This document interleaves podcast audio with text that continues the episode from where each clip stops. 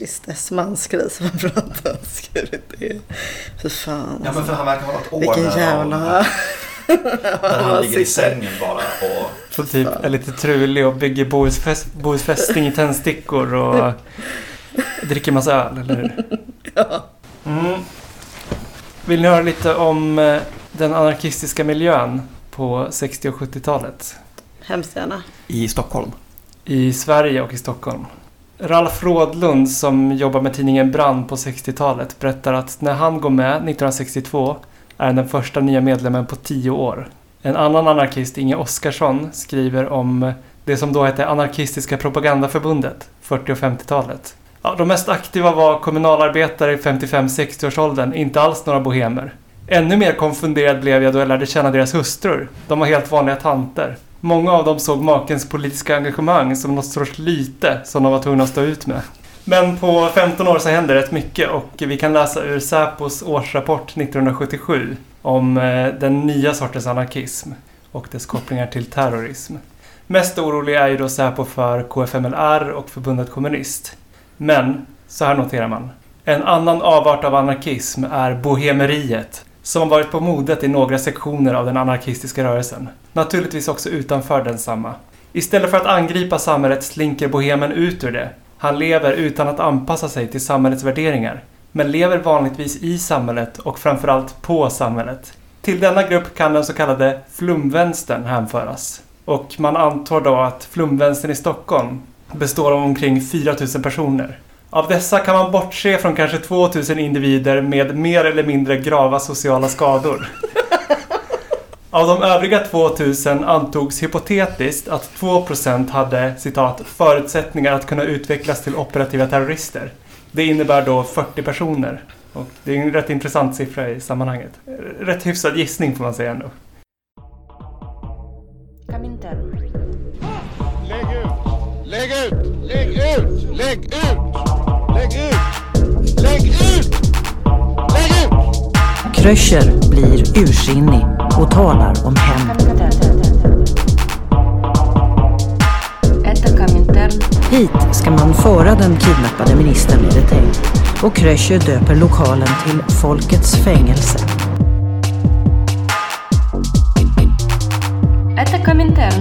Som kommer att intensifiera sina insatser för en socialdemokratisk valseger. Därför att de känner så starkt att Anna-Greta Leijon är en politisk ledare som de vill ha i fortsättningen. Okej, ni lyssnar på det femte avsnittet av podcasten Kominterns sommarspecial Vi lär av historien. Eh, Med mig är kamrat Svante Hej! Eh, och Fanny Åström, gäst idag. Hej. Grattis på födelsedagen! Tack. Eh, Jag har fått äran idag att eh, så att säga lägga scenen, världsläget. Och vi kommer att börja, som så många gånger förr i den här podden, 1968. Som lyssnare känner till finns ett kraftigt världsligt motstånd mot Vietnamkriget. Sovjetiska pansarvagnar rullar in i Tjeckoslovakien. Europas vänster delas, man tvingas ta ställning för eller emot Sovjetunionen. Vi har kårhusockupationen i Sverige, men inte minst majrevolten i Frankrike. Men också i Västtyskland är det ungdomsuppror. Den generation som har vuxit upp som barn till Tredje rikets medborgare kräver att få göra upp med nationens förflutna. Det är kravaller. Parollerna är antikapitalistiska och antiimperialistiska. Det talas om klasskamp och revolution, sexuell frigörelse och hippiekultur. Och så på andra sidan muren, DDR. När shahen av Iran var på besök i Västtyskland ett år tidigare så sköts en ung demonstrant till döds. Och det påstås ha varit det enskilda ögonblick som radikaliserade en grupp unga vänsteraktivister i Västtyskland. Men Gudrun Enslin och Andreas Bader brandbombar 1968 ett varuhus i Frankfurt och flyr till Frankrike. När de så småningom återvänder till Västtyskland så grips Andreas Bader, men fritas senare av Enslin tillsammans med journalisten Ulrike Meinhof. Och där någonstans sås det första fröet till den grupp som ska komma och kallas för RAF, Röda arméfraktionen, eller i kvällspressen Bader-Meinhof-ligan.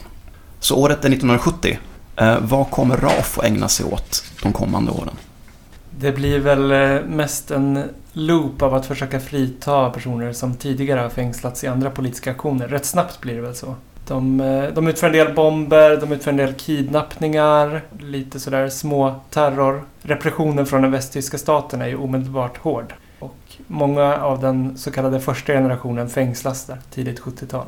Just det, för någonstans 72 så sitter hela den första generationen RAF-medlemmar fängslade.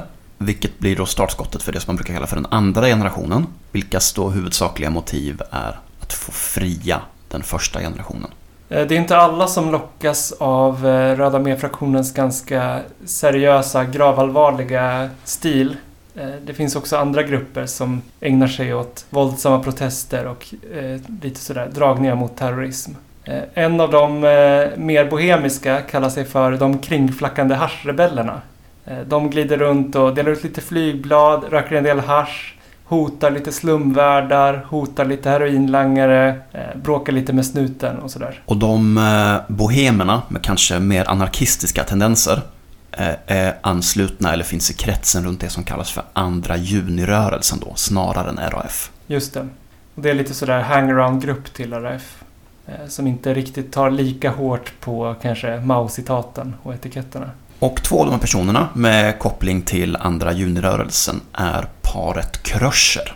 Eh, de begår ett bankrån i Västtyskland och flyr någonstans 1972 till Sverige. Och det är väl egentligen här någonstans som vår berättelse tar sin början. Ja, men på nyår då så träffar eh, Katarina, eh, en svensk kvinna, ehm, Norbert Kröscher på en fest. Och de kysser varandra, nyårskyssen. ehm, Detta Jag trots att Norbert är där med sin äkta hustru. Ja, precis. Ehm, och sen så stöter de på varandra på stan några veckor senare. Eh, och ja, men hon bjuder hem honom på vin typ. Eh, och så är det väl att de inleder någon slags relation. Och eh, då har jag förstått det som att hans fru åker tillbaka till Västtyskland. Ehm, och han stannar kvar där. Eh, och i princip snyltar på den där Katarina. Ehm, och ja, men, eh, får henne att begå ett bankrån tillsammans med honom till exempel. De kommer över typ 30 000 svenska kronor. Mm. Och så drar de till Korsika, lever livet. Sen så försöker de återvända till Västberlin. Men Norbert Kröscher eh, är super efterlyst. Så att Ja. de reser med svansen mellan benen tillbaka till Sverige. Ja, precis. Och hon, hon beskriver det här som att liksom, det var efter det här bankrånet och liksom, när de befinner sig i Västberlin som han började bli, alltså som deras relation började bli dålig. Liksom, hon beskriver det som att ja, men det var ganska trevligt i början men sen så var det som att han blev ja, men jävligt paranoid helt enkelt. Eh, började gå omkring med vapen eh, och liksom, ja men betedde sig som att han var hotad, vilket han väl säkert också var eh, till viss del. Ehm, och då så flyttar de tillbaka hem till Sverige och då blir det väl att han liksom lever på henne i princip. Typ aldrig lämnar lägenheten, hon får jobba, tjäna ihop pengarna, eh, sköter all mat, sköter hushållet samtidigt som han liksom sitter hemma och bygger så här modeller av tändstickor liksom. Eh, och blir väl ganska otrevlig att ha att göra med. Eh, och hon beskriver ju också typ att han Ja, men ett så här kontrollerande beteende att han, eh, hon får inte lyssna på Beatles eller så här, hon får inte lyssna på viss musik som jag då antar att han tycker är liksom kapitalistisk eh, och sådär. Medan han älskar ledmotivet till filmen Easy Rider. Alltså Born to be Wild, är det va? Det är mycket snack från honom tror jag om hans tid i de kringflackande haschrebellerna och hur coola de var. Just det. Får jag göra ett litet sidospår bara? För en av anledningarna till att de återvänder kort till Västberlin, eller till Västtyskland, är ju därför att Norbert ska försöka skilja sig ifrån sin fru, Gabrielle Kröscher. Eh, Det går inte. För vad har Gabrielle för sig de här åren? Jo, hon börjar med att dömas till åtta års fängelse för att ha skjutit en polis. Eh, Fritas nästan omedelbart tillsammans med fyra andra fängslade terrorister. Flygs till Jemen. Där deltar hon i en kidnappning av 70 personer, varav 11 är oljeministrar. Hon uppges ha dödat två personer. Och operationen leds av den eh, terrorist som är känd som Carlos Schakalen. Kidnapparen och gisslan flygs i sin tur till Algeriet där gisslan frigavs och Gabriel Kröscher får politisk asyl. Ett par år senare deltar hon i en ny kidnappning av en österrikisk affärsman som frigavs efter att de har fått en lösen på 2 miljoner dollar. Katarina kan vi säga är eh, 26 bast. Hon har hängt runt lite i vänstern. Hon har varit med i Vänsterns ungdomsförbund. Throwback till er som har hört tidigare avsnitt. Eh, hon tyckte att det var lite sådär segt och testuggande där. Hon liksom kände sig inpressad i en folla. Och när hon då träffar den fyra år yngre Norbert så tycker hon att den här västtysken har lite coolare grejer för sig. Han är inte så himla noga med etiketter. Han säger att han kan vara anarkist eller socialist eller kommunist men eh, han har mycket grejer på gång, verkar ha varit med om rätt mycket. För andra så presenterar han sig som Hardy Donnell och säger att han är författare och journalist. Men eh, för Katarina så berättar han lite mer och rätt så snart som sagt då, så flyttar han in till henne med en ganska slim packning. Det är kassettband och en pistol. Men eh, det blir ju lite problem som sagt. Han- Han kan ingen svenska eh, och eh, sitter bara med Katarina och tjatar om sina smultronställen i Berlin. Berättar om olika demonstrationer han har gått i. Verkar inte jättesugen på att skaffa sig något riktigt liv här i Sverige. Vad man har träffat många sådana tyska anarkister i Sverige genom åren. Men jag får sådana liksom Jean-Claude Arnault-vibbar. Alltså att han verkligen sitter, alltså Jean-Claude Arnault som blev dömd nu i metoo-rättegång. Att han verkligen sitter och liksom ehm, alltså han är väl inte så här cool egentligen eller har inte gjort så här mycket saker egentligen men att han har de här, liksom den här kvinnan som kan bekräfta hans liksom, ja, men status och liksom få in honom på något sätt i, i liksom Sverige och så här ja, men svenska kretsar tänker jag mig, att hon ändå hjälper honom ganska mycket liksom. Men att hon ser väl säkert upp till honom och tycker väl att han låter jättecool. Jag har aldrig själv varit internationellt efterlyst. Jag kan tänka mig att det är liksom eh, förlamande på många sätt. Men jag menar hans äkta hustru Gabrielle, hon lyckas ju återvända till Västtyskland och fortsätter med allt det som Norbert talar om. Mm. Lite posörvarning ändå. Ja, verkligen. Samma sak med det projekt som han så småningom börjar ägna sig åt medan då Katarina går till jobbet och sköter hushållet. Eh, han börjar skriva på en liten handbok. Han tycker att han har så mycket kunskaper som han skulle kunna delge andra. Den får den anspråkslösa titeln Några ord om taktik. Och där väljer han då att med skrivmaskin och lite egenhändigt gjorda anteckningar eh, delge sig till de här svenskarna om eh, alla sina kunskaper om hur man skulle kunna bygga upp en stadsgerilla. Eh, de eh, blir bjudna det här paret, eh, Kröcher och Katarina, på en fest hösten 74 i ett konstnärskollektiv i Bromma. Där stöter de på en kille som heter Olle, som är 20. Han kommer bli lite viktig. Olle har pluggat lite grann, håller på med tecknad film. Han håller på med piratradio, något som heter Radio 88. En sjuklig gosse. Han har astma, eksem, pacifist sedan ungdomen. Eh, men också han imponeras ju av den här talföre, tuffa, hårda tysken. Så han dras in lite i deras gäng och eh, i mars 75, om vi hoppar fram dit, så tar Olle med sig sin kompis Annika som är 18 eh, för en TV-kväll hemma hos paret Kröcher och Katarina. Det de ska kolla på är Mello, för att de ska naturligtvis förbereda en motsändning mot Mello i Radio 88. Annika tycker också att Kröcher, han verkar vara en häftig kille. Och här någonstans då, våren 75, så börjar Norbert bli lite förföljd av sitt eh, rykte. Eh, han kollar i en svensk tidning och ser sin bild och sitt namn. Och det står att han är efterlyst i andra junirörelsen för att hans kamrater i Tyskland har då samtidigt kidnappat en högt uppsatt borgerlig politiker, Peter Lorenz, och hållit honom fången i ett folkets fängelse. De tittar ironiskt på Mello. Ja. Man kan tänka sig att Katarina egentligen tycker att det är helt okej. Men jag älskar att de ska göra en här motsändning mot Mello. Man undrar ju vad, vad den skulle bestå i. En omoralisk schlagerfestival. Men det är ändå, alltså, jag vet inte, sånt, det säger liksom någonting om den tiden tänker jag. För att så här, i, i liksom vänstern idag så tänker jag att det finns inte den typen av att man så tycker att saker och ting är degenererande och kapitalistiska, alltså kultur på det sättet. Ehm, utan nu kollar ju alla helt seriöst på Mello, tänker jag. Ja, motkulturen har misslyckats och man har gett upp alla anspråk på att försöka bilda någon typ av progressiv kultur som ska kunna stå emot den dominerande, eller hur? Ja, ja men precis. Ja men på eh, gott och, gott och ont får man väl säga, eller ja, mest på ont kanske. Men ehm, det framstår ju som, när jag ser på det utifrån liksom mina ögon idag, så framstår det som ganska fånigt. Men egentligen så är det ju alltså en rimlig sak att ägna sig åt, tänker jag politiskt. Jag vet inte. Och för de här unga människorna är det ju på blodigt allvar. Mm. Mm, Men än så länge har inte Norbert skaffat sig så mycket av ett eget kontaktnät, eller hur? Utan han parasiterar mest på Katarinas eh, vänskapskrets. Ja, han kan inte jättemycket svenska. Han börjar i och för sig lära sig lite grann och sådär. Men det är mycket Katarinas vänner och han tycker väl att de är lite småtråkiga va? Alright, men 24 april 1975 så händer någonting på västtyska ambassaden i Stockholm som förändrar eh, inte bara Norberts utan många svenskars liv. Mm. Jag är dåligt inläst på ambassaddramat. Vill någon ge en, en kort recap? Lägg ut, lägg ut. Eh, Det är väl eh, andra generationen av Röda Armé-fraktionen som genomför en ockupation av då västtyska ambassaden. Och eh, detta i syfte att pressa den västtyska regeringen att släppa politiska fångar. Jag tror att kärnan i den här gruppen tillhör något som tidigare hette Socialistiska patientkollektivet. Eh, psykiskt sjuka som har samlats i en cirkel med en socialistisk läkare som levererar analysen att det är samhället som är sjukt, inte dem. Inte helt fel kan man tycka. Och att eh, den terapi de behöver och sättet att bli frisk är politisk handling. Så den här politiska handlingen leder dem så småningom till Stockholm och en rätt fet ockupation av eh, ambassaden med eh, bomber och vapen. Men är den här socialistiska läkaren med i ockupationen? Eller är det bara de psyksjuka? Jag tror att det bara är eh, patienterna. han, han kunde inte just då. Så ni har alla sett tv-bilderna. Lägg ut den här, den här aktionen går ju inte jättebra får man säga ändå. Jag tror att det är två, två terrorister eller RAF-medlemmar som dödas och några i gisslan också. Det blir ju jättenyheter Eh, i Sverige och i Tyskland.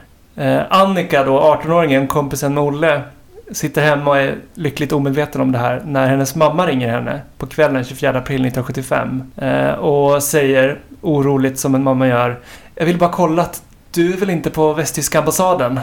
Västtyska ambassaden? Varför skulle jag vara där? Han går och köper tidningen. Hon springer ner, köper tidningarna och fattar att det är något stort på gång. Och går hem då till Norbert och Katarina. Tar med sig en kompis, de slår på TVn. Ja, och då eh, sitter ju Norbert där och liksom tycker att det här gick ju fel till och det här var ju klantigt gjort och han skulle ju såklart ha gjort det mycket bättre själv om han hade varit inblandad. Ehm, och så tar han liksom sin pistol och säger att jag ska gå ut och skjuta någon polis. Och då säger Katarina liksom att nej men det är väl eh, dumt. Eh, du borde istället kidnappa Anna-Greta Leijon som är den som är liksom ansvarig för ehm, eh, utvisning, för terroristlagstiftningen. Och hon, enligt Katarina själv, så säger hon det ju det här för att liksom vinna lite tid. Han håller ju på att rusa ut med pistolen då och vill ju liksom döda någon. Ehm, men han tycker att det här är en toppen idé. Eh, och fortsätter ju liksom att jobba på den. Och det är så deppigt liksom att det är hon som har kläckt den. Men att hon ju inte alls, alltså som jag i alla fall förstår det och jag tycker att hon låter ganska trovärdig, inte eh, vill alls att det ska bli verklighet liksom. Ja, det handlar ju också om hans egen status och prestige. Alltså han ältar ju här då. Varför fick inte jag veta någonting på förhand? Jag sitter ju här i Stockholm helt redo. Är jag liksom en föredetting nu nere i Berlin? Eller vad, vad är grejen? Är, är det här några jag känner? Han, han har mycket sådana frågor. I efterhand så kommer det fram att han inte känner då någon av de här i Kommando Holger Mines, som de heter, som utför ockupationen. Däremot så har han varit tillsammans med eh, en dotter till en av ambassadpersonalen som dödas. Så det, det är hans enda koppling till det här dramat. Och det är inte lika coolt kanske. Nej. Du nämner utvisningen. Det ska Mm. sägas då att, att eh, eh, kidnappningen av eh, vad är det, ambassadörer och konsulter på ambassaden går ju inte vägen va? Utan någonting exploderar i förtid. Det blir skit av alltihopa och sen så är det lite fram och tillbaka i svensk press om huruvida de fortfarande levande RAF-medlemmarna är tillräckligt friska för att bli utvisade. Mm. För vid det här laget så är ju då terrorismen från Västtyskland och i Västeuropa på allas läppar och det sista ett litet fredligt snällt land som Sverige vill är att ha några västtyska terrorister i sina fängelser så att det blir ännu mer fritagningsaktioner. Regeringen har ju då extra sammanträde, Palme är svinrädd och alla säger de här människorna måste ut så snabbt som möjligt. Några av dem är ju rätt så skadade. Jag tror att det är en bomb som råkar gå av inne i ambassaden när terroristerna håller på där inne. Det diskuteras om huruvida de kan klara av att bli utflugna till Västtyskland eller ej. Man vill ju då bli av med dem, alltså det är en het potatis liksom. Det blir då minister Anna-Greta Leijon som fattar beslutet om att eh, nej men vi flyger ut de här människorna. Alltså läkaren eh, avråder mot utvisan. Men hon, blir, hon utvisas ändå. Eh, men hon överlever. Men sen är det senare en som där läkarna säger att alltså, han är döende men vi vet inte, alltså det, det spelar ingen roll om han, alltså det kommer inte spela någon roll om han blir utvisad eller inte. Det, läget kommer vara likadant för honom och han dör. Och då blir det som att hon, eftersom hon har kört över den här andra läkaren i, när det gäller Sigfrid, eh, då blir, då, då får då blir det ju som att hon får liksom skulden för att den här mannen dör till slut. Så det är det som händer. Hon blir i alla fall ansikt, ansiktet utåt för avvisningen. Och Mm. Palme eller hon själv har återgett att när de fattar det här beslutet och hon ska sitta där i TV och meddela att de här västtyskarna ska avvisas omedelbums så säger han till henne Du förstår vad det här innebär va? Det innebär att vi nu blir måltavlor. Och det är hon med på. Och mycket riktigt så blir det ju. Efter den här tiden så ringer det ofta hemma hos eh, familjen Lejon mitt i natten. Det är ingen i andra änden luren. Eh, det kommer också brev, hotfulla brev och sådär och eh, hon får en skyddsvakt som följer dem dygnet runt. Hon har två barn, Britta Lejon som senare ju blir minister minister, socialdemokratiska regeringen för några år sedan. Och Svante, 8 och 10 år. Eh, det finns lite berättelser om hur det var att växa upp i familjen Lejon med detta Säpo-skydd. Eh, till exempel är de på cirkus en gång och eh, åttaåriga Svante ser att det står en man bakom dem och liksom verkar följa dem med blicken. Han har väl inte riktigt lagt ihop allting än. Han frågar ja, vad är du här och vem är du och var bor du? Säpo-vakten svarar oerhört orutinerat en trafikled som sin adress. Och Svante blir misstänksam.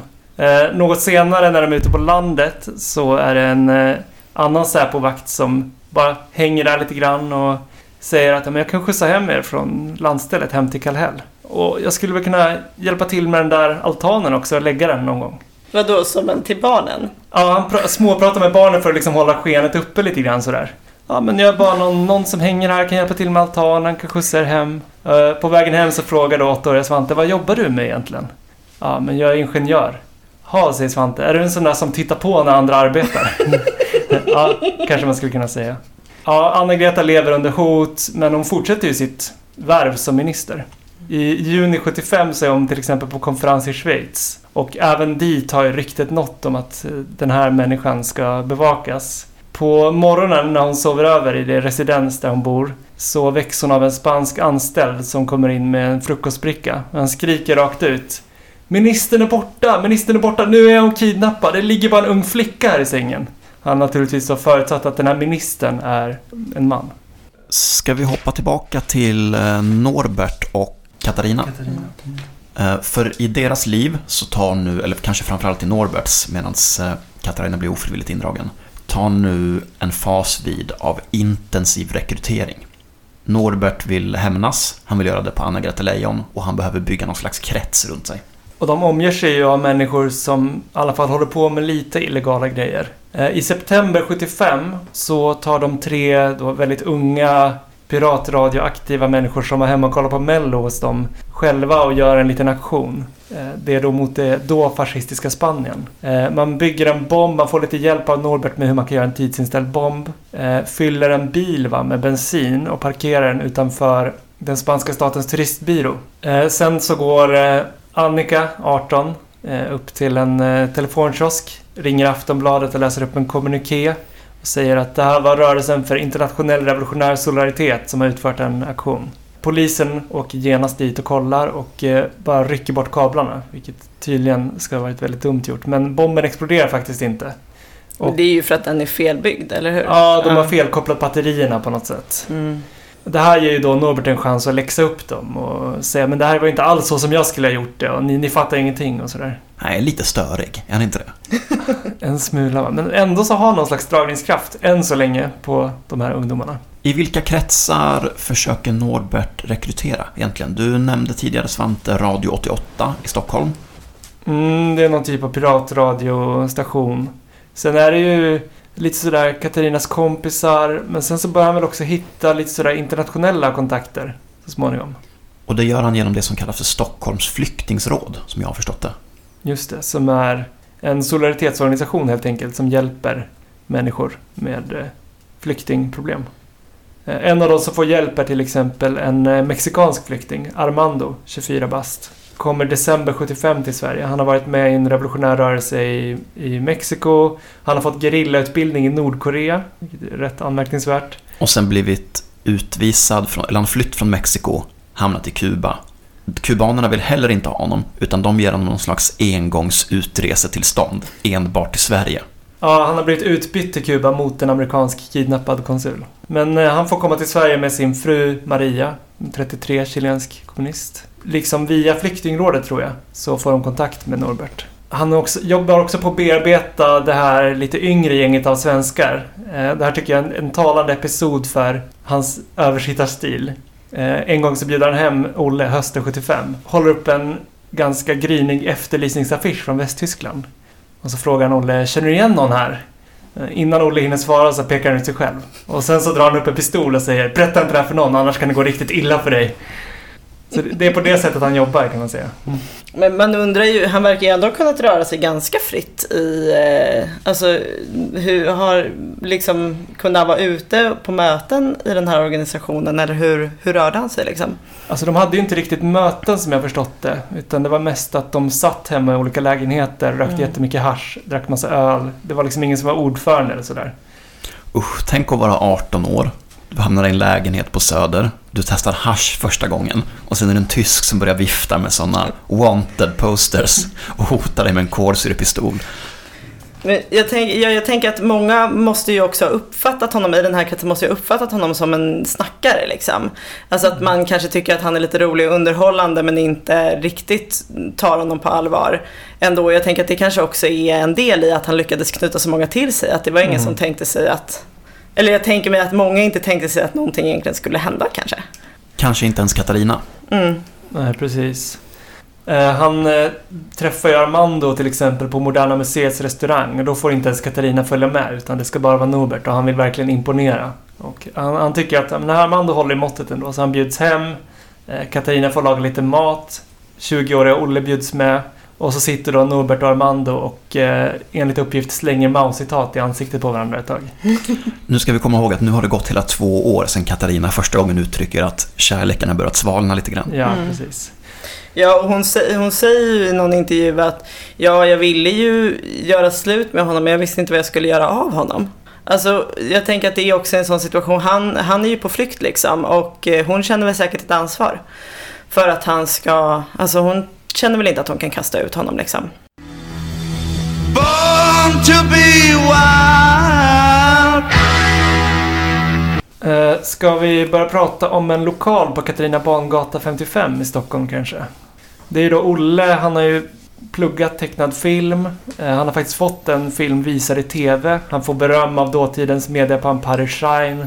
Han känner att han är på G liksom. Det är den astmatiska pacifisten. Ja, precis.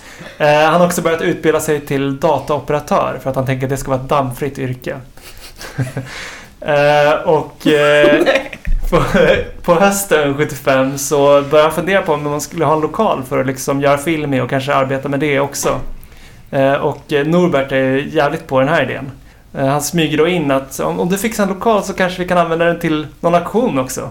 Olle är väl inte jättesugen men ja, han går med på det och han behöver ändå lite hjälp med överlåtelseavgiften. Så Olle pyntar in tusen spänn och Norbert och Katarina, man får väl gissa då mest Katarina, betalar de övriga 1 och 5. Och sen lite senare på hösten så berättar Katarina för Olle att Norbert han, han har någon grej på gång. Det är någon, någon kidnappning han snackar om.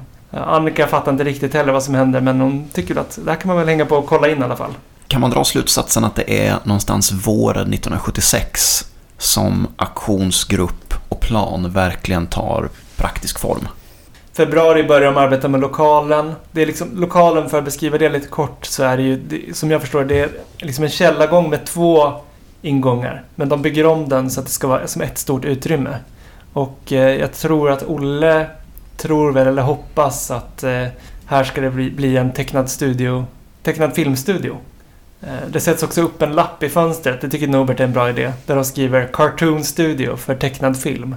Och så vill Norbert att det ska vara telefonnummer också så att det ska seriös, se seriöst ut. Men han vill absolut själv inte stå på det här telefonnumret. Så han lyckas övertala någon annan i gänget att skriva upp sig på det. Det börjar faktiskt ringa lite kunder som undrar om de kan få hjälp med någon tecknad film. Men ingenting är klart så att eh, det blir liksom mest ett problem det där. Eh, Norbert har ju börjat fixera sig lite grann vid Anna-Greta Leijon vid det här laget, eller hur?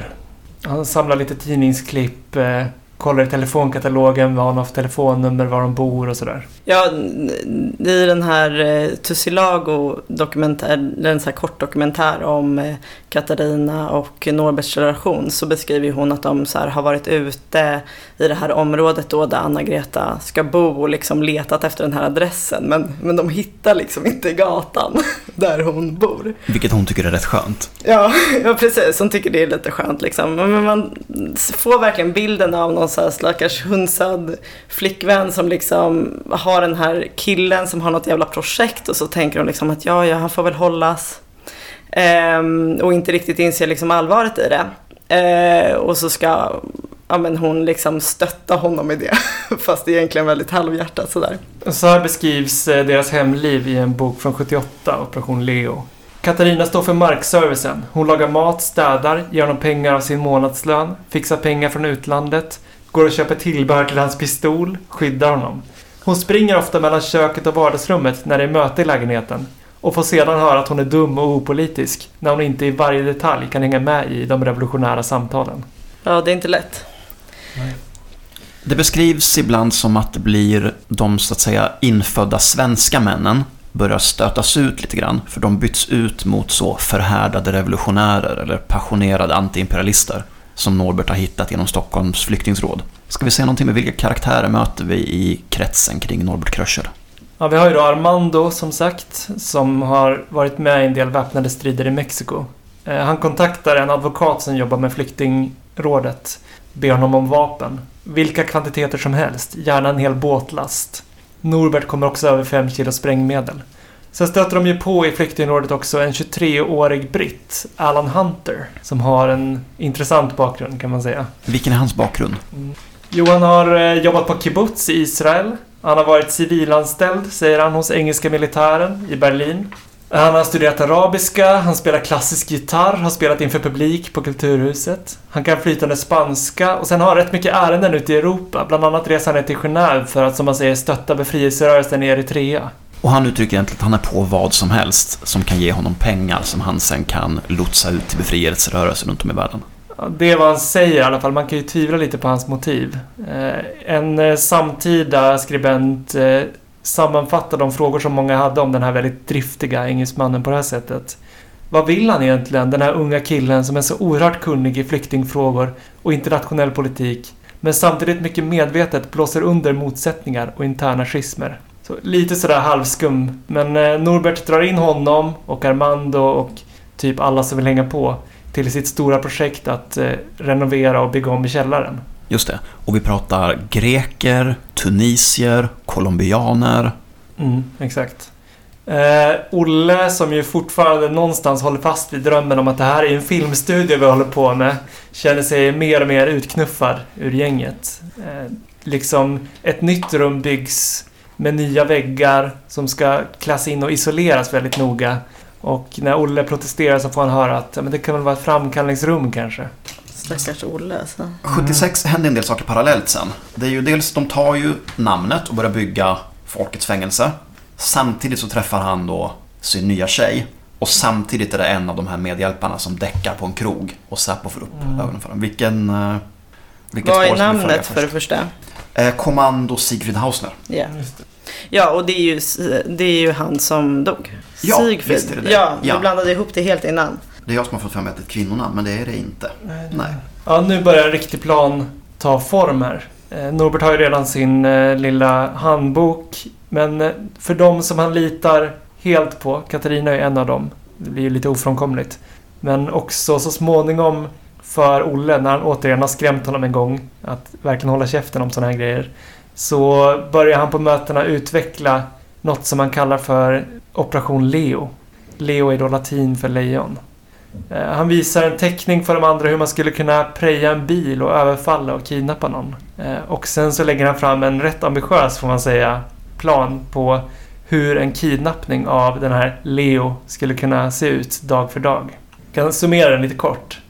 Eh, dag ett efter kidnappningen så ska det gå ut ett meddelande där det säger att det är en aktion av andra junirörelsen. Polisen får inte bedriva några spaningar och sådär. Och sen ska man ta en bild av Leo med ett plakat där det står fånge hos andra junirörelsen. Dag två ska man gå ut med ultimatum.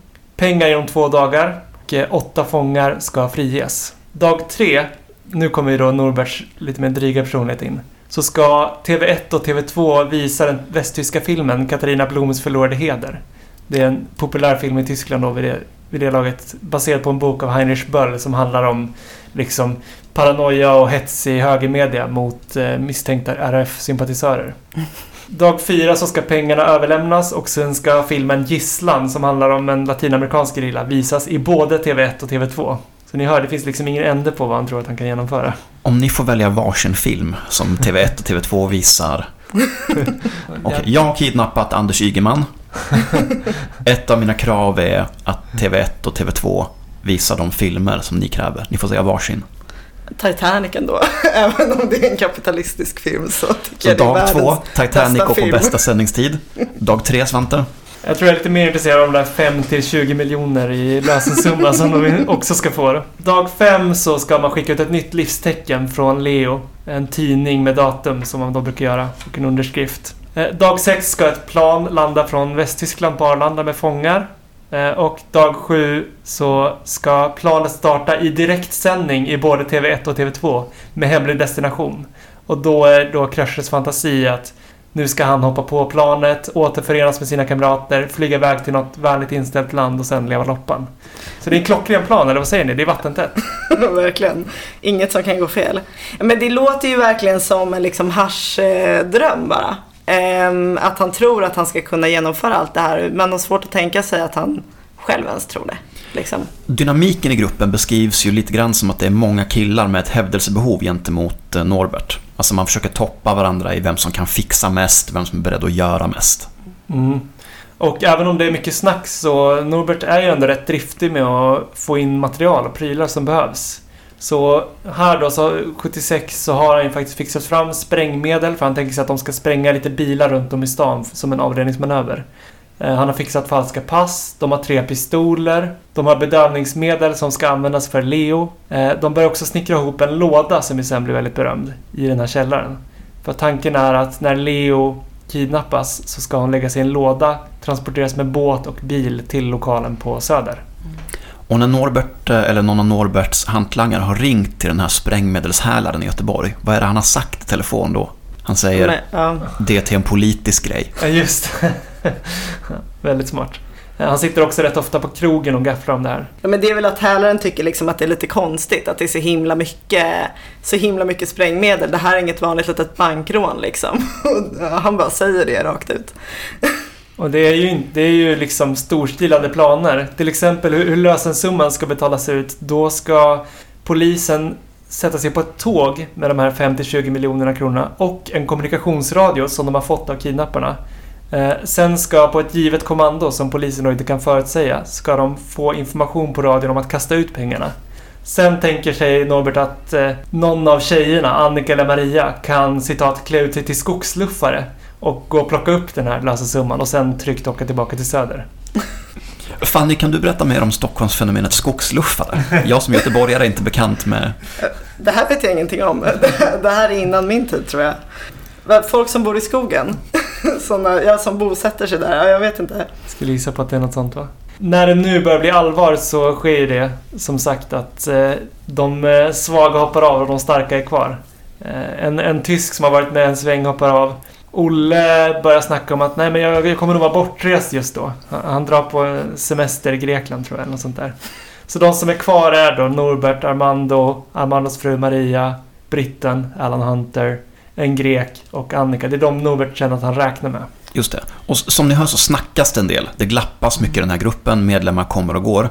Och det får som följd att när polisen omhändertar en man som har däck eh, av en kombination av alkohol och narkotika på en krog i Stockholm någon gång 76 så hittar de på honom ytterligare en kolsyrepistol och också någon slags adressbok. Oklart om den innehåller namn och adresser men åtminstone telefonnummer.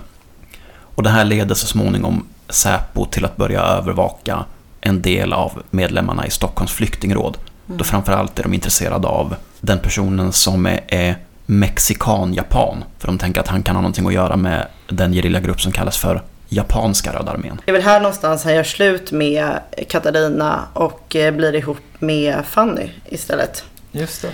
Och eh, som hon, eh, Katarina själv beskriver det så är det att hon har liksom egentligen sammanfört de här två för hon är så jävla trött på Norbert liksom. Så för henne är det bara en lättnad att han, ja men att han gör slut med henne.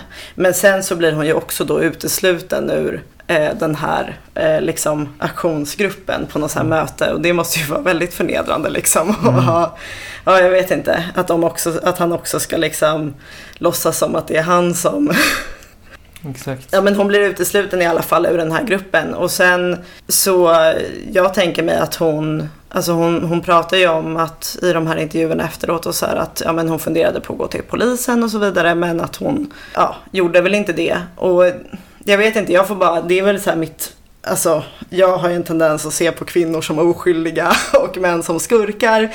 Men jag får verkligen känslan av att hon är liksom extremt psykiskt nedbruten av honom och väldigt rädd för honom. Och hon är bara så jävla glad att bli av med honom. Eh, att hon liksom vill inte ha någon mer inblandning i den här saken så att säga. Hon slipper inte helt undan för de fortsätter ju ha lite möten och så hemma hos henne. Ja, jo precis. Ja, han, eh, ja, precis. Trots att eh, de har gjort slut och hon har blivit ut, utestängd ur den här gruppen så tycker han ju ändå att han ska behålla nycklarna och komma dit och ha möten och, och köra ut henne ur lägenheten och sådär. Och Ibland hon- vill han ligga också va? Ja, Ja, och sen får hon lite uppdrag och gör lite småjobb åt dem. Sådär, räknar lite polisbilar och sådana där grejer. Mm. Men eh, Norbert börjar träffa din namne, alltså en Fanny, i Stockholm. Eh, hon har en intressant familjehistoria. Har ni noterat den? Nej. Nej. Hon är överklass och hon är barnbarn till de kända överklassnazisterna greven och grevinnan von Rosen. Oj då. Kan ni gissa vilka som var hedersgäster på deras bröllop? Kan det vara eh, Göring kanske? Göring och Hitler. Ja. Eh, Fanny som Norbert då börjar träffa, liksom med Katarinas välsignelse, är ju 18. Rätt ung. Eh, beskrivs av... ja hur gammal är Norbert vid det här tillfället? Är han 23 kanske. Mm. Och hon beskrivs av polisen som en mager allvarlig tjej med långflätor och vänliga ögon. Vegetarian, jobbar som spärrvakt på SJ. Eh, Norbert börjar ju peppa och tagga upp hela gänget att eh, nu ska vi liksom vara illegala. Eh, han tar med dem ut till Fittja på vapenträning i skogen. Han får kontakt också med ett par, ett, en österrikisk inflyttad man och hans svenska fru, hon är skådis. Eh, su- suger liksom direkt fast sig vid dem, flyttar in i deras våning i Gamla stan. Sitter där och tjatar om att ni måste frigöra er från era borgerliga skamkänslor och såna här grejer. Eh, någon dag tar han med, med dem ut i skogen, säger nu ska jag lära er att spränga och sen gör han någon manöver som de inte riktigt hinner uppfatta. Kastar ner någonting i en vattenansamling varpå en explosion uppstår. Sen måste de dra därifrån. Jag vet inte hur mycket de lärde sig Det är av det han använder dynamiten till och så här impa på olika borgarpar. Eh, De drar också igång och tränar lite karate i källaren till ett bokcafé, Bokcafé Morianen. Eh, Flera tränar men liksom alla är inte lika sugna och peppade som Norbert. Det är väl några som är rätt duktiga men ja. Det ska sägas att det finns en del intern kritik också. Alltså vissa i gruppen, vissa av de här förhärdade latinamerikanska revolutionärerna tycker att Norbert tar lite mycket plats. Mm. Ja, i december 76 så hålls ju det här mötet där Katarina utesluts. Hon anses inte vara tillräckligt pålitlig eller tuff. Och I januari så har den sjukliga Olle en födelsedagsfest. Där då gänget, en av få gånger de faktiskt träffas utan Norbert. Då kommer snacket igång, men vad tycker vi egentligen om den här dominanta, vresiga tysken som håller på att bossa runt med oss? Ja, irritationen växer och man bestämmer sig för att det är dags att kalla Norbert till ett möte och säga några sanningsord till honom. Så 30 januari så kallas Norbert för en gångs skull på ett möte och där sitter då hela gänget och pratar med honom. 30 januari 77 va? 77 är vi framme vid nu.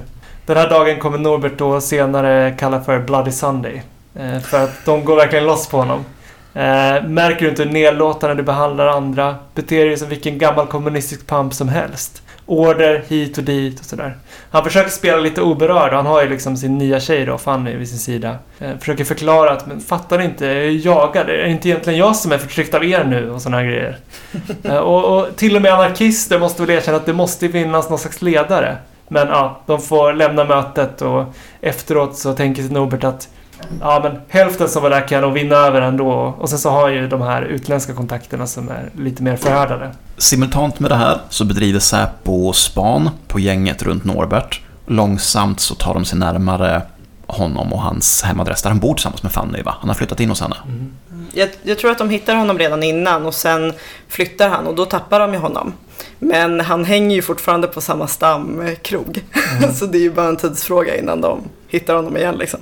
Och han har ju inte helt släppt planerna liksom, även om gruppen nu är lite grann i upplösning. Till exempel den här skådespelerskan som har kommit in i kretsen bearbetar han och han lyckas få henne att ta hem massa smink från jobbet som kan användas vid bankrån och kanske också senare vid en aktion. Vid det här laget så har han bott i Sverige i knappa fem år. Och det är snart två år sedan ambassaddramat va? Mm. Mm. I källaren, det som ska bli Folkets fängelse på Söder, så finns nu en, en färdigbyggd cell med tältduk runt. Det finns eh, kontanter, det finns ett gäng fotografier på Anna-Greta Leijon och sådär. Och de som nu är liksom invigda, alla är då medvetna om att Leo är ju just Anna-Greta Leijon och man har liksom ritat upp skisser på hur man ska preja hennes kortege och, och frakta henne till källaren och sådär. Men det är väl också så att det blir lite upp, att det har blivit uppskjutet själva ehm, operationen just eftersom hon, Anna-Greta Leijon var gravid eh, vid tidpunkten och det ville han ändå ta hänsyn till då. Så eh, det är därför har tagit, bland annat därför det tar så lång tid. Mm. Eller hur? Han är ju besatt men han är ändå hänsynsfull. ja. Alltså, eh, Anna-Greta Leijon är för Norbert Kröcher vad Linnea Claesson är för Mr Henko. ja. Ja, precis. Det är väl kanske inte så mycket av medlidande som av det faktum att eh, Anna-Greta Leijon får rätt förändrade rutiner när hon får barn då i juni 76. ja, det är det som är grejen. Mm. Ja. Så då kan de inte längre lita på sina idéer om hur hon färdas till jobbet och sådana här grejer. Man har ju svårt att tänka sig att den här tyska haschpundaren har kartlagt henne så minutiöst, eller? Ja, det är nog mycket fria fantasier va? Det, det känns ju, alltså jag tänker att det kan ju ha varit att ehm, de andra omkring inte var så jävla taggade på att kidnappa en gravid kvinna. Och kanske också tänker jag en ursäkt för honom att eh, lägga det lite på is liksom. Mm. Det var skönt. Mm. För det, det är många saker som inte blir av, alltså under planeringens gång, sidoprojekt och så. Och nästan alltid uppges ju de andra i kretsen vara lättade över att någonting inte har hänt. Ja men det är ju det här typ med det här värdetransportrånet som är, de har liksom hört att de vill ju få pengar och råna en värdetransport och då har de hört att ja, men den ska gå den här, eh, ja men den ska gå den här tiden och sen får man höra att det är ett falskt spår och då skiter man i det bara. Och typ rånar någon liten butik tror jag, någon dagskassa från någon butik. Så det är mycket sånt, absolut. Och sen är det ju det här med det eviga glappandet och snackandet. Eh, Den här dynamitleverantören i Göteborg till exempel kontaktar ju polisen när han tycker att det här är ju mer dynamit än någon, någon av mina vanliga dynamitarder någonsin har behövt. Det är någonting skumt med det här. Kontaktar han polisen alltså? Ja, eh, han hör av sig och säger att ni kanske ska kolla lite på den här kretsen. Så jag tror det kommer in tips från flera håll till Säpo här under, under tidiga 77. Usel hälare. Verkligen. Nu sålde jag alldeles för mycket. Eh, Men som sagt, mars 77 så har då Fanny och Norbert separerat för att eh, Surprise, surprise, även Fanny har blivit lite trött på Norberts parasitära stil. Norbert oförtruten tänker sig att om jag kan fixa en ny lägenhet så kan bli en kommandocentral för hela Operation Leo. Nu, nu slipper jag ha med en massa kvinnor att göra. Eh, han eh, får tag på en sån i Rinkeby, flyttar ut dit. Fortsätter med lite rån, lite sprängda bankboxar och sådär. Ja, men då var det då han hade samma, alltså som han hängde på samma eh, stamställe. Precis, han hänger det. på Mosebacke på Söder fortfarande. Mm. Eh, Och här har ju polisen, de har ju spanat på honom ett tag men då tappar de väl honom lite grann ett tag där. När han flyttar. De vet, känner inte till hans nya adress och sådär. Eh, Men de sätter upp något som de internt kallar för polisens ölkommando som får ta på sig det tunga jobbet och sitta på Mosebacke varje kväll och dricka öl. Och det knorras lite grann om att de kan väl dricka lättöl i alla fall. Det blir så jävla dyrt med massa starköl. Men då förklarar dessa självuppoffrande snutar att eh, vi måste dricka starköl annars smälter vi inte in bland de här bohemerna på Mosebacke. Ja. Ska vi gå fram till det ödesdigra datumet 30 mars 1977? Det vill säga Mm. ödesdigert för Norbert. Eh, Som vanligt så sitter han då på Mosebacke och dricker öl och eh, nu får ju då poliserna syn på honom. Polisen har gett honom ett kodnamn, Ebba, som de använder i intern kommunikation om honom. Operationen är upplagd så att om det är fritt fram att gripa Ebba så ska kodordet vara Ebba grön. Är det inte det så är det Ebba röd. Eh, men när Norbert eh, glider ner från Mosebacke mot Slussen för att ta T-banan så ropas det ut Ebba Grön och det han tror är några raggare som står och hänger på ett hörn visar sig vara civilpoliser. Som flyger på honom, rycker av honom polisen och bussar iväg honom till polishuset. Har du fått någon klarhet i hur länge de har span på honom på eh, Mosebacke? Alltså hur många dagar? Det är inte hur lång tid det är. Alltså det måste ju vara typ under mars liksom, för det är Mm. där de separerar och han flyttar. För då måste de ju ändå varit ganska chill med att det inte skulle bli någon, alltså att han inte skulle komma till skott med det där eh, på ett tag ändå. Det där är väl en eh, fråga man kan diskutera hur mycket polisen egentligen trodde på att det här var en verklig plan som skulle genomföras eller ej. Tillräckligt mycket för att informera Anna-Greta Leijon i alla fall om att det finns en kidnappningsplan. Mm. Så 13 mars på kvällen grips han och eh, nästa morgon så kommer det då styrkor hem till Olle, till en tysk eh, man som varit inblandad, Manfred. En tjej som har tolkat. Till det här skådespelarparet. Till Allan. Till en ingenjör som har hjälpt dem att bygga lite radios. Annika såklart. Eh, med flera. Katarina just då sover över hos sin nya kille så de hittar henne inte utan de griper henne några dagar senare. Ja, Armando och Maria, ja men hela bunten grips liksom. Det är razzior över hela Stockholm kan man säga. Sen börjar polisen bearbeta de här personerna i häktet. Norbert håller upp en tuff stil och säger inte så mycket. Men de andra knäcks väl rätt fort som jag får en bild av och börjar berätta lite grann. Det är nästan som att de har längtat om att få tala ut om eh, den störige västtysken. Eh, man vill ju göra sig av med eh, de utländska misstänkta för att som sagt man vill inte sitta där med några terrorister i fängelse så att eh, Alan Hunter skickas iväg till Storbritannien omedelbart. Jag tror att Armando och en annan latinamerikan skickas. De försöker skicka dem till Kuba. Kuba vill inte ta emot dem. Jag har läst siffran 70, alltså att det totalt är 70 personer som får husrannsakan eller plockas in på olika förhör. Man kan tänka sig att Säpo här tar chansen att förhöra lite, eh, Vem som helst. lite ja. vem som helst i kretsen kring, kring Stockholms flyktingråd. Man passar på att ta in folk som har sökt politisk asyl i Sverige. Nu får vi också en chans att testa den kunnige Norberts egen eh, teori i praktiken. För han har ju naturligtvis i sin handbok skrivit om vad eh, varje illegal operatör alltid ska bära på sig. Och det här kan man då jämföra med vad han faktiskt hade på sig när han greps. Så om någon av er vill hjälpa mig med att läsa upp en lista. En 9 mm pistol med två reservmagasin. Japp, det hade han på sig. Ficklampa. Nej. Isoleringsband. Nej. Första förband. Ja. En bra kniv. Ja. En bra klocka med svart urtavla. Ja. Börjar ni känna att han har rätt mycket grejer i byxfickorna? Papper och penna. Ja, det har han. Pengar, helst 1000 till 2000 kronor. Mindre än 500 i skit. Vad är det i dagens penningvärde? Ja, rätt mycket pengar va? Eller hur? Polisen räknar att han har 2219 kronor och 15 öre på sig. Mhm. Stabil livrem till byxorna. Ja, det har han. Karta. Nej. Busskort eller dylikt. Ja. Grej för att öppna lås. Ja, det har han. Och droger. Eh, A. Smärtstillande. Ja, det har han. B. Lugnande. Valium etc. Nej. C. Uppiggande. AN1 eller Captagon. Nej, det har han inte. Man kan ju nämna där att Captagon är då den drog som IS, senare eh, Islamiska staten, nu, eller för några år sedan, tillverkade i massformat och som alla IS-krigare också utrustades med. Läderhandskar och halsduk. Ja. Solglasögon eller glasögon med fönsterglas. Nej. Bricka med blodgrupp. Nej. Ja. Ger ni honom godkänt på den här utrustningen eller? Nej, det var ju bara hälften typ.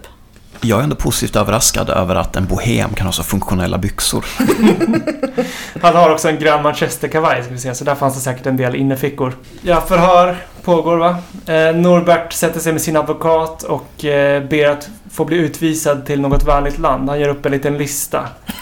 Eh, Uganda kan han tänka sig, Nordkorea, Libyen, Sydjemen eller Algeriet. Men regeringen är lite mer sugen på att skicka honom till Västtyskland, så bara några dagar senare så skickas han dit. Mm, han är inte riktigt i en position av att kunna ställa krav va? Nej, jag tror inte att han har riktigt uppfattat eh, hans styrkeposition. Eh, ja, I lokalen så hittar ju polisen alltihopa. Fotografierna, lådan, utrustning, pengar, vapen och sådär. Eh, de andra i gruppen, eh, de sitter ju också häktade rätt länge, rätt många. Vissa släpps lite då och då. Skådespelaren Margareta tycker jag var intressant. Hon får faktiskt gå fri, men hon kallas till förhör då och då. Och en dag i juni när hon kallas till förhör så dyker hon upp sminkad till clown. Hon förklarar för polisen jag orkar faktiskt inte vara med ikväll. Därför att jag tycker att det har gått lite för långt. Då slår jag över som den skådespelerska jag är. Verkligheten blir bara teater. Och då kan jag åka buss på stan och komma hit och vara clown. För mig är det teater just nu. Polisen är mindre road av det här och frågar om hon har hjälpt till att maskera Norbert och Armando inför ett rån.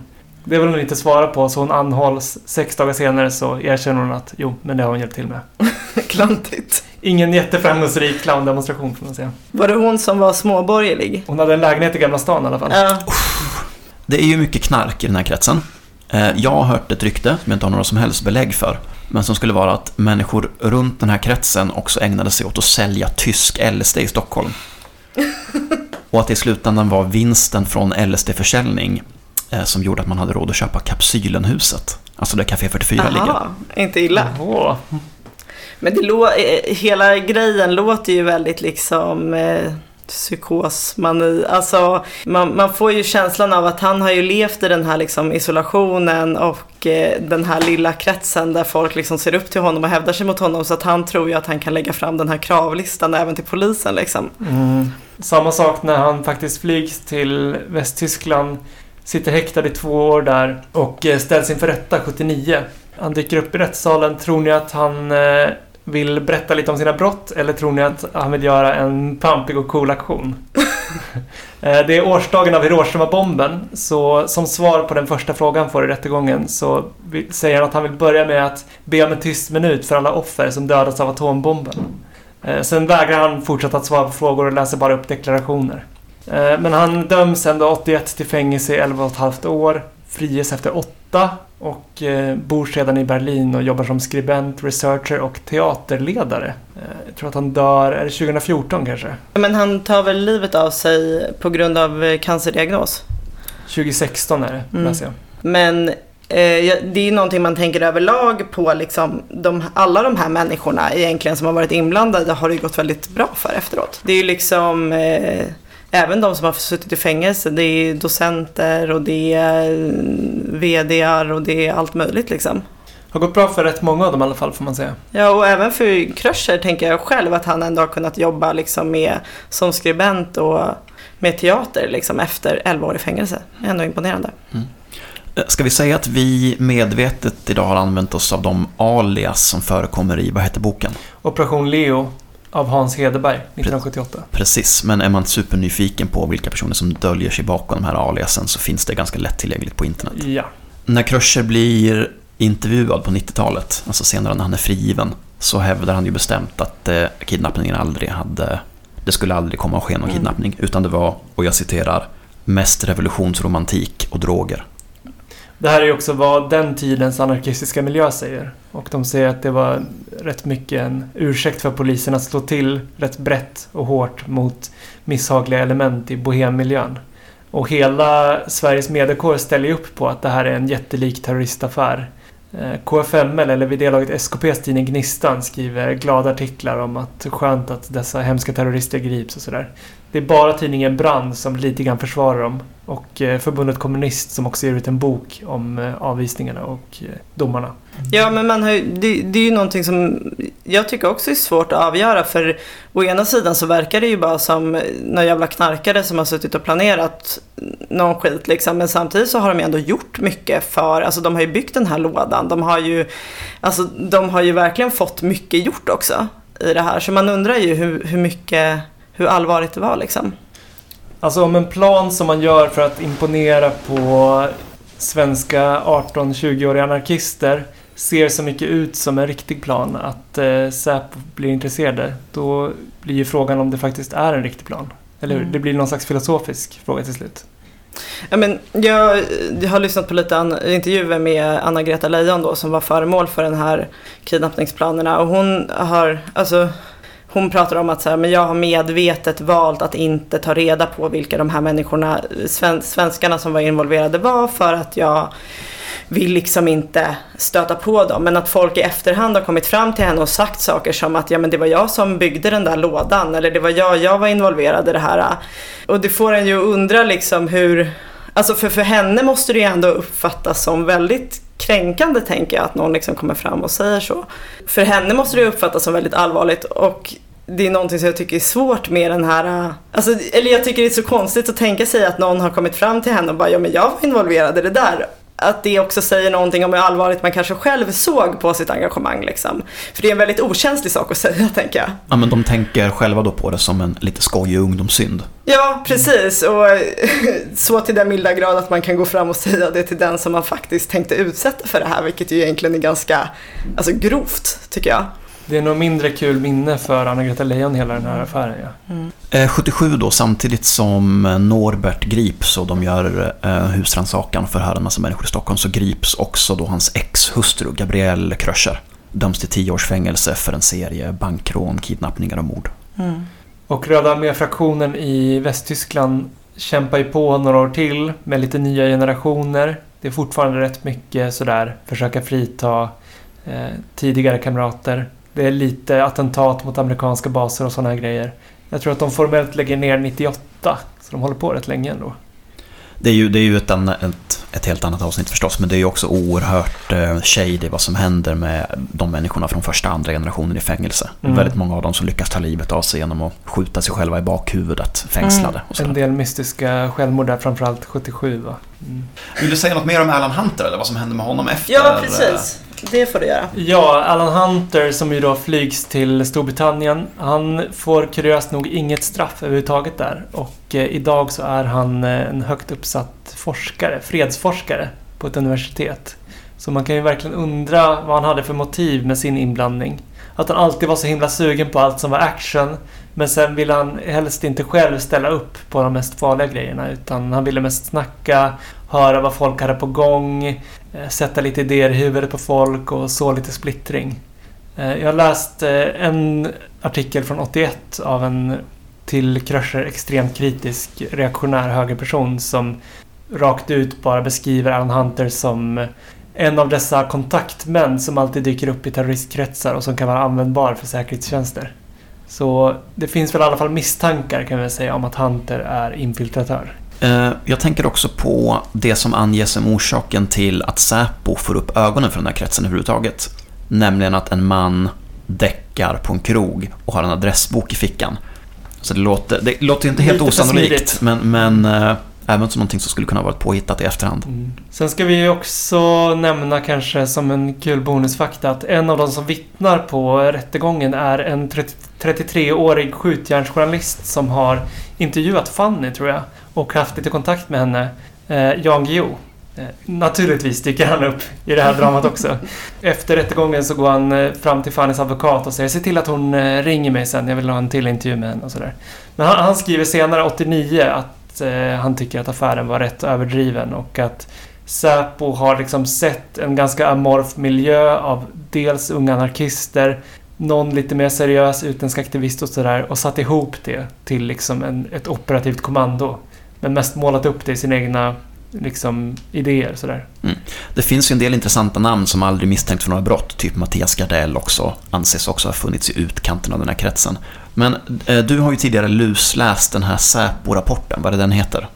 Eh, hotet från vänster. Precis, som då redovisar all övervakning av ytterlighetsrörelse på vänsterkanten. Mm. Där står ju nästan ingenting om Kröcher. Nej, det är väldigt kort avsnitt. Just det, men det finns det inte också någonting i att den delen av rörelsen är väldigt svår att förstå för polisen? Är det inte ofta så? De vill gärna se ledargestalter, tydliga strukturer, organisationer på platser där det kanske inte finns. Ja, de svajar väldigt mycket i övervakningen. Det finns liksom ingen, ingen riktig centralkommitté eller sådär som man kan bugga. Utan det blir ändra åka ut till Gotland och förfölja några som cyklar för fred. Sen är det några i Örebro som demonstrerar i blackblock mot kärnkraft. Det är liksom hit och dit för Säpo. Men är det inte samma sak med hur de eh, övervakar vänstern idag? Att det är för, alltid sån förvirring i att det liksom ja, inte finns några den typen av strukturer.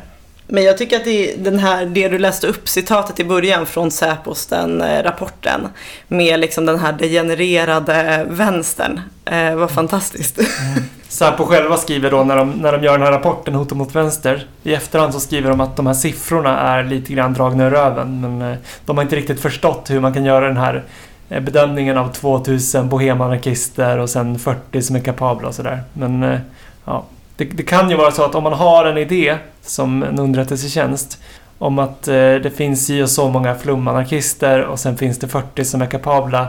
Då kanske det är en tanke som ser ut som en händelse att det blir 40 personer som ungefär som samlas ihop och grips senare. Säpo får ju också något av en spark i röven med ambassadsdramat där för att man inser att sannolikt så har det funnits personer, sannolikt då svenskar på utsidan som på något sätt har hjälpt Mm. eh, de tyska terroristerna. Vi kan ju låta Kröcher komma till tals lite grann i alla fall. Eh, han intervjuas av en svensk eh, journalist när han sitter i västtyskt häkte och får frågan om han ser någon väg tillbaka från den väpnade kampen. Då säger han eh, nej, absolut inte. Vi har i praktiken inget alternativ. Jag menar, det är inte vi som går till angrepp. Vi försvarar oss. Vi försöker att sätta oss till motvärn mot ett omänskligt samhälle. Sen säger han att han hoppas på att dialog ska uppstå mellan kommunister och anarkister. Själv han som sagt inte så intresserad av etiketter. Men eh, en liten godbit för er som hörde avsnittet om ungsocialisterna så kan man ju säga att han politiskt noterar att eh, vänstern får inte göra om Sovjets misstag, det här med att producera ständigt nya klickar av funktionärer. Jag tror istället på en mer permanent revolution. Så jag undrar om man inte var... Det fanns en liten trotte i kraschen ändå. Right. Eh, innan vi avslutar, Svante, vad har du lärt dig av historien idag? Eh, En sak som slår en är ju återigen hur försvagad vänstern är idag jämfört med den här tiden. Hur lätt det ändå var för en hyfsat tokig eh, aktivist eller anarkist att plocka upp så många i, i sitt lilla nätverk. De, de liksom fanns ju till höger och vänster. Eh, på fester och på krogar och sådär. Alla var intresserade av att göra någonting. Eh, en parallell som man kan tänka på utan att på något sätt uppmana till eller godkänna planer som involverar lådor och kidnappningar. En eh, socialdemokratisk regering som fattar ett kontroversiellt beslut om att avvisa någon eh, till död eller tortyr och ett yngre kvinnligt statsråd som får klä skott för det beslutet. Påminner det om någonting annat? Tänker på Egyptenavvisningarna där eh, Anna Lind fick vara den som eh, gick ut med att två egyptier som Mubaraks regim ville sätta klorna i skulle kidnappas av CIA helt enkelt och utvisas. För det fick hon ju utstå kritik men det var aldrig någon som, vad jag vet, planerade att lägga henne i någon låda eller sätta henne i folkets fängelse. Och det säger väl någonting om, eh, vi ska prata om vad vi har lärt oss av historien. Om hur pass försvagad ändå en vänster var vid den tiden. Fanny, vad har du lärt dig av historien idag? Jo men jag tänker mycket på de här eh, liksom personliga relationerna som är i den här gruppen och hur alla de här människorna kunde bli så involverade i den här liksom uppenbart tokiga killens planer. Och också de här kvinnorna som liksom har fått spela en sån, ja men verkligen fått sina, alltså framförallt då Katarina, fått verkligen sitt liv förstört eh, av det här. Eh, Medan många andra från den här kretsen har gått vidare och levt ganska framgångsrikt. Eh, tack så mycket för att du tog dig tid och kom hit på din födelsedag. Ja, tack Ja, för att tack. jag fick komma hit. Jag har hört ett rykte om att du har börjat göra podd. Eh, ja, det stämmer. Eh, den heter Fanny och Alexandra och finns där poddar finns. Kul.